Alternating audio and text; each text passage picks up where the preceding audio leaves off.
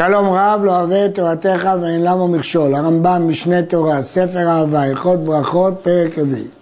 כל המברך ברכת המזון, או ברכה אחת שמהן שלוש, צריך לברך אותה במקום שאכל.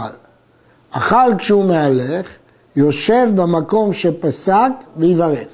אבל כשהוא אכל כשהוא עומד, יושב במקומו ויברך. הגמרא במסכת פסחים מזכירה דברים הטעונים ברכה לאחריהם במקומם. והריף אומר שמדובר בפת או מיני דגן.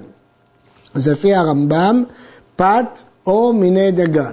אבל הרשב"ם מוסיף שם גם אחד משבעה מינים, וכן דעת הרמב"ם, שמשמע שכל דבר שצריך ברכה מהן שלוש. הגמרא במסכת ברכות אומרת האוכל ומהלך מברך מעומד, כשהוא אוכל מעומד מברך מיושב, כשהוא מסב ואוכל יושב ומברך והלכתה בכולהו יושב ומברך. אז רואים שברכת המזון או מעין שלוש צריך במקום שהוא אכל ובישיבה. יושב במקום שזה כדי שיהיה יישוב הדעת. שכח ברכת המזון ונזכר קודם שהתעכל המזון במעיו, מברך במקום שנזכר. ואם היה מזיד, חוזר למקומו ומברך. ואם בערך במקום שנזכר, יצא ידי חובתו. וכן אם בערך כשהוא עומד או כשהוא מהלך, יצא ידי חובתו. לכתחילה לא יברך ברכת המזון ולא ברכה שלוש, אלא כשהוא יושב ומקום שאכל. נחלקו בית שמאי ובית הלל במי ששכח ולא ברך במקום שאכל. לפי בית שמאי צריך לחזור למקום שבית אכל. לפי בית הלל לא יטרוך אותם חכמים ויברך במקום שנזכר והלכה כבית הלל. אבל הגמרא מעירה שזה דווקא בשכח, אבל אם במזיד, כנסו אותו לחזור. אבל אם ברך במקום אחר, יצא ידי חובתו. שיעור שהתעכל המזון במאיו, כבר הרמב"ם כתב לעיל, כל זמן שאינו רעב מחמת אותה אכילה. מי שנסתפק לו, אם ברך המוציא או לא ברך, אינו חוזר ומברך, פני שאינה מן התורה. שכח לברך המוציא, אם נזכר עד שלא גמר סעודתו, חוזר ומברך, ואם לאחר שגמר, אינו מברך. לפי דעת הרמב"ם, כל המברר ברכה שאינה צריכה עובר בלא תישא את שם השם אלוהיך לשווא, שזה איסור חמור. עוד פסק הרמב"ם שכל ברכות שלפני אכילה הן תקנת חכמים ואינן מן התורה, ולכן אם יש לו ספק, לא יברך. בטור מופיע בשם הרמב"ם שיברך, אבל הבית יוסף אומר שזאת נוסחה משובשת שהזדמנה לטור בדברי הרמב"ם. אם הוא שכח לברך המוציא ונזכר באמצע הסעודה, מפורש בגמרא שכל עוד הוא אוכל, חוזר ומברך. אבל אם הוא כבר סיים את כל סעודתו, לא מברך. דעת הראב"ד, שאפילו שהוא סיים את סעודתו, יכול לברך. אבל הרמב"ם, רק כל עוד יש לו מה לאכול. היה אוכל בבית זה ופסק סעודתו והלך לבית אחר. או אוכל וקרא לו חברו לדבר עמו ויצא לו לפתח ביתו וחזר, הואיל ושינה מקומו, צריך לברך למפריע על מה שאכל וחוזר ומברך כתחילה המוציא ואחר כך גומר סעודתו. כתוב בעל הבית שהיה מסב ואוכל קראו חברו לדבר עמו אז אם הוא הפליג, צריך לברך למפריע. כשהוא חוזר, צריך לברך כתחילה. דעת הרמב"ם הפליג, כלומר התרחק ממקום סעודתו, כי זה נקרא שהוא עקר ממקומו. וכיוון שהוא עקר ממקומו בזה שהוא הלך לבית אחר, או בזה שהוא יצא לפתח ביתו ואחר כך חזר, זה שינוי מקום שמצריך לברך. הרייבד משיג על הרמב"ם וסובר שפתח הבית אינו נחשב מקום אחר. ולא מוגדר כעקירת מקום. אבל אצל הרמב"ם פתח ביתו זה מחוץ לבית, ולכן זה נקרא שינוי מקום שצריך לברך. חברים שהיו יושבים לאכול ויצאו לקראת חתן או לקראת כלה, אם הניחו שם זקן או חולה, חוזרים למקומן וגוררים סעודתם ואינם צריכים לברך שנייה. ואם לא הניחו שם אדם, כשהם יוצאים צריכים ברכה למפריע, כשהם חוזרים צריכים ברכה לתחילה. אם כן, אה, הגמרא בפסחים דנה עם שינוי מקום מצריך ברכה, וההלכה הזאת שנפסקה פה ברמב"ם, שאם הם יושבים לאכול, פת, או נראה בהמשך, מסובים לשתייה או לאכילת פירות, ברגע שיש שינוי מקום, חייבים לברך. וכן אם היו מסובין לשתייה או לאכילת פירות, שכל המשנה מקומו, הרי פסק אכילתו, ולפיכך מברך למפרע על מה שאכל, וחוזר ומברך שנייה לכתחילה על מה שהוא צריך לאכול. כפי שאנחנו רואים פה בהלכה ג', ד', ה', הרמב"ם לא מחלק בסוג האכילה. בכל סוגי האכילה, ברגע שהוא שינה את מקומו, צריך לברך למפרע ולחזור לברך התחילה. בין זה עם ברכת המוציא, כמו שהוא כותב בסעיף ג', בין אם זה פירות ושתייה, כפי שהוא כותב בהלכה ה'. להבדיל מהלכה ד', ששם הוא השאיר חלק מהחבורה, שאז אה, לא צריכים לברך, אלא יכולים לחזור ולגמור. יש להעיר שבגמרא דנה האם השינוי הזה הוא דווקא תלוי בסוג האוכל. דעת רב חיסדא, שדברים שצריך לברך עליהם במקומם, אם הוא שינה את מקומו אין צריך לחזור ולברך. למה? כי הברכה חשובה דייה. ולכן הוא יכול לחזור ולברך, אז יש קביעות לסעודה, זה לא מוגדר כשינוי מקום. ורק בדברים שאינם טעונים ברכה במקומם, אז צריך לברך למפרע ולאבא. אבל רב ששת חולק על רב חסדה וסובר שבכל סוגי המאכלים צריך לחזור ולברך, אם הוא לא השאיר חלק מהחבורה. הריף פסק כרב ששת, והרמב"ם בעקבות הריף פסק גם הוא כרב ששת, שאין הבדל בין דברים שטעונים ברכה למקומם לדברים שלא טעונים ברכה למקומם. יש להעיר שמה שאמרנו שמניח זקן וחולה זה לאו דווקא זקן או חולה, אלא כל מי שהוא הניח, זה רק דוגמה בעלמא, הרמב"ם בעצמו בתשובה אומר זקן וחולה, כלה וחתן הוא דוגמה ומשל. הרמב"ם ממשיך, והמשנה מקומו מפינה לפינה בבית אחד, אינו צריך לחזור לברך. אבל מזרח, אכל במזרחה של תאנה ובא לאכול במערבה, צריך לחזור ולברך. כלומר, אם יש פינה לפינה, לא צריך. הדבר מפורש בגמרא בפסחים, הדאמרת שינוי מקום צריך לברך, לא שנו אלא מבית לבית, אבל ממקום למקום, לא. הרמב"ם מפרש שהכוונה פינה לפינה במקום אחד, בבית אחד. אבל בתאנה לא כך. מדוע התאנה זה שונה? התאנה היא גדולה, אין היקף מחיצות, הוא לא רואה את מקומו הראשון, ולכן מזרחה של תאנה ומערבה של תאנה נחשבים כשני מקומות. הרייבד משיג שכל זה אם לא ידעתו מתחילה לאכול גם במערב. אבל אם בשעת ברכה התכוון לאכול גם במערבה של תאנה, לא צריך לחזור ולברך. זאת דעת רב ניסים גאון גם לעניין קידוש. יש שאומרים שהרמב"ם לא חולק על הרעב"ד, וזה דבר פשוט, שאילו היה בדעתו לאכול שם, לא צריך לברך. ברך על הפת, פתר כל הפרפראות שאוכלים בהם הפת, ממיני תבשיל ופירות וכיוצא בהם.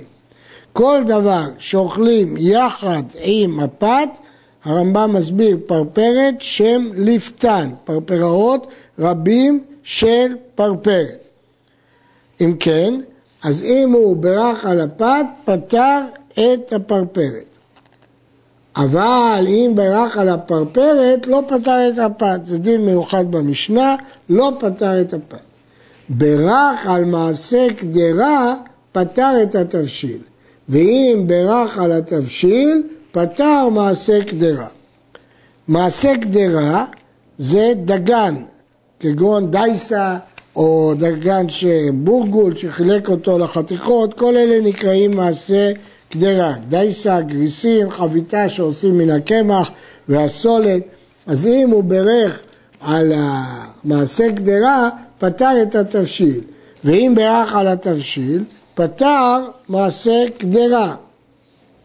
הנוסח הזה שקראנו עכשיו, זה הנוסח של הנגיד מבני בניו של הרמב"ם, והוא אומר שזה הנוסח בכתבי יד של הרמב"ם. אבל נוסח אחר הוא, אם בירך על התבשיל, לא פתר מעשה קדרה. ויש דיונים אה, גדולים בדבר הזה, מה פירוש אם בירך על התבשיל לא פתר מעשה קדרה. אה, כפי שאמרנו, הכתב יד שלנו הוא פשוט.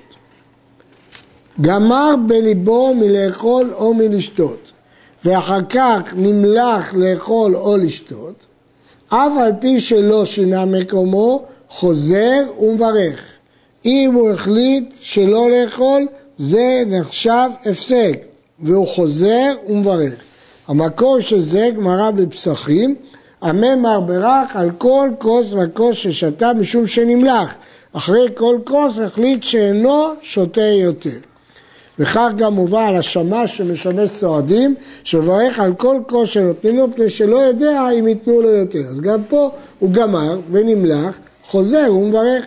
ואם לא גמר בליבו, אלא דעתו לחזור ולשתות או לאכול, אפילו הוא פסק כל היום כולו, אינו צריך לברך שנייה. הרייבד משיג על הרמב"ם וכותב שרק בשתייה, אם הוא גמר בדעתו שלא לשתות, צריך לברך עוד. אבל לעניין אכילה, ההפסק הוא רק או מים אחרונים, או שינה, או נמנום. רק הדבר הזה. הכל עוד לא עשה את זה, יכול להמשיך לאכול. זה תלוי בהבנת הגמרא, תכף לנטילת ידיים, ברכה. היו שותים ואמרו בואו נברך ברכת המזון ובואו נקדש קידוש היום. נאסר להם לשתות עד שיברכו או יקדשו.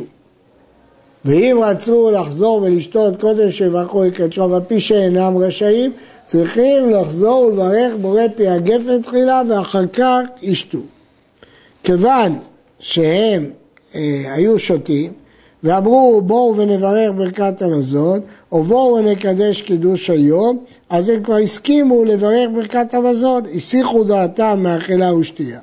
והגמרא בפסחים מספרת שנכנסה השבת, אסור להם להמשיך לאכול ולשתות עד שיקדשו.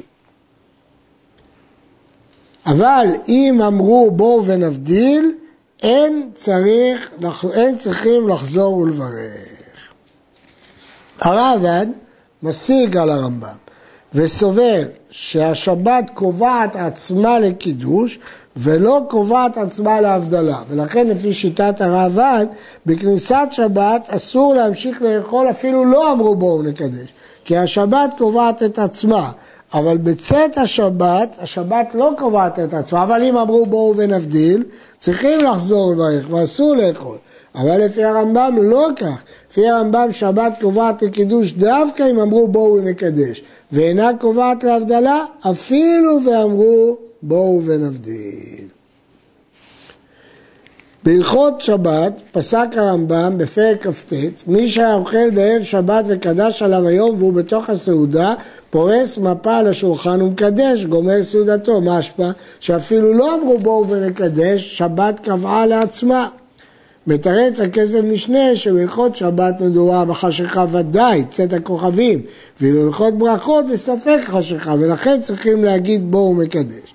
אבל המגן אברהם מסביר שדברי הרמב"ם בהלכות ברכות הם מבעוד יום, שאדם יחליט לקבל שבת מוקדם ולעשות קידוש לפני השקיעה, אבל בשקיעה ודאי שהשבת קובעת את עצמה. היו מסובים לשתות יין, ובא להם מין יין אחר, כגון שהיו שותים אדום והביאו שחור, או ישן והביאו חדש, אינם צריכים לברך ברכת היין פעם שנייה. למה? כי שינוי יין לא מצהיר ברכה, כי זה לא שינוי מקום. אבל מברכים ברוך אתה השם אלוהינו מלך העולם הטוב והמיטיב. אם כן, כיוון שהם מסובים לכמה אנשים, הטוב לו ומיטיב לאחרים. כך אומרת הגמרא, שלמרות שלא חוזר לברך בורא פרי הגפן, אז הוא מברך הטוב והמיטיב. שימו לב שהרמב"ם אמר יין אחר.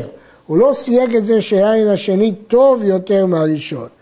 דעת רש"י וכן הרשב"ם שדווקא כשהיין השני טוב מהראשון מברך הטוב האמיתי.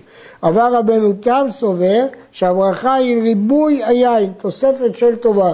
אז גם אם היין השני אינו טוב כמו הראשון, אם הוא לא גרוע, אם הוא לא טוב כמו הראשון צריך לכך משמע ברמב"ם כמו רבנו תם שזה לא משנה אם זה יותר טוב או פחות, או פחות טוב, בכל מקרה על הריבוי מברך. לדעת הרעב"ד, מברכים הטוב והמיטיב גם על שינוי פת, אבל לפי דעת רוב הראשונים דווקא על יין. אין מברכים על אוכל מכל האוכלים, ולא על משקה מכל המשקים עד שיבוא לפניו. ואם בירך ואחר כך הביאו לפניו, צריך לחזור ולברך.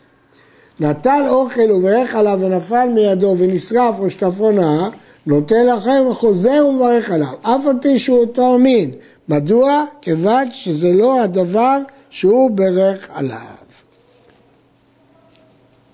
אה, וצריך לומר, ברוך שם כבוד מלכותו לעולם ועד על ברכה ראשונה, כדי לא להוציא שם שמיים לבטלה. יש לנו פה את דברי הרמב"ם, שאם אומרים ברוך שם אה, כבוד מלכותו לעולם ועד, זה כאילו שלא מוציא שם שמיים לבטלה.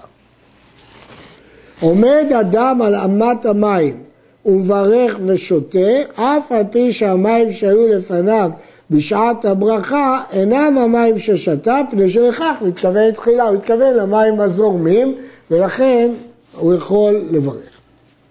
דברים הבאים בתוך הסעודה והן מחמת הסעודה, אינם צריכים ברכה לא לפניהם ולא לאחריהם, אלא ברכת המוציא שבתחילה וברכת המזון שבסוף פותרים הכל, שהכל תפלה לסעודה.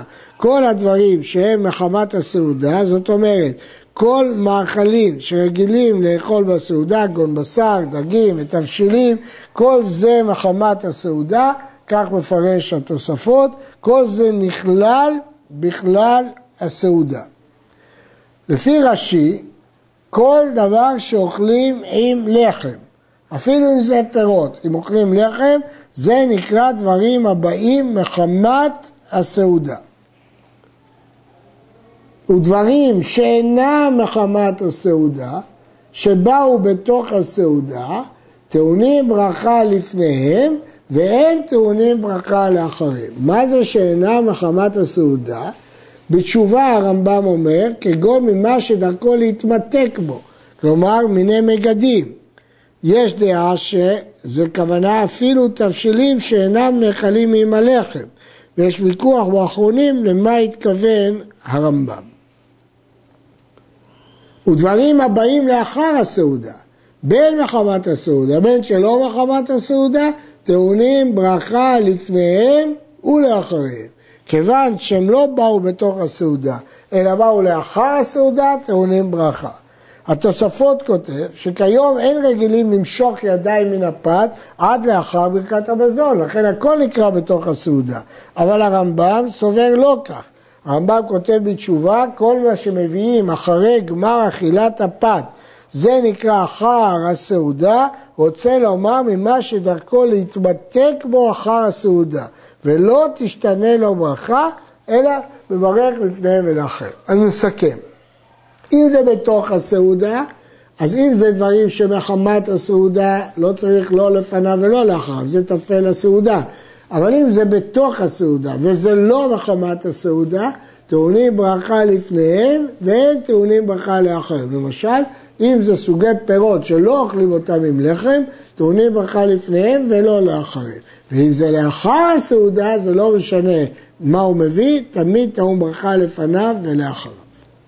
בשבתות וימים טובים ובסעודת הקזת אדם נהגו אז להקיז דם למניעת מחלות והגוף היה נחלש ונהגו לשתות יין כדי למלא את החסר.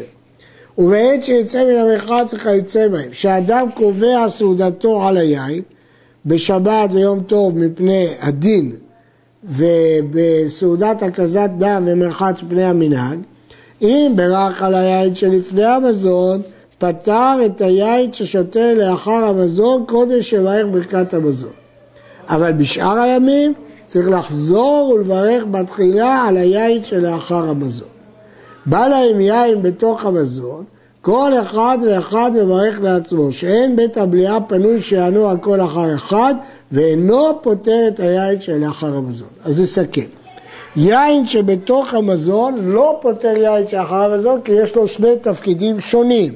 בתוך המזון הוא בא לשרות, אחר המזון הוא בא בשביל לשתות, זה דין של שתייה. זה כבר תפקיד אחר, שתייה להנאה. לכן יין שבתוך המזון לא פותר יין שאחר המזון. אבל יין שלפני המזון, הוא כן יכול לפתור יין שאחר המזון, אם זה סעודות כאלה שאדם קובע סעודתו על היין. עד כאן.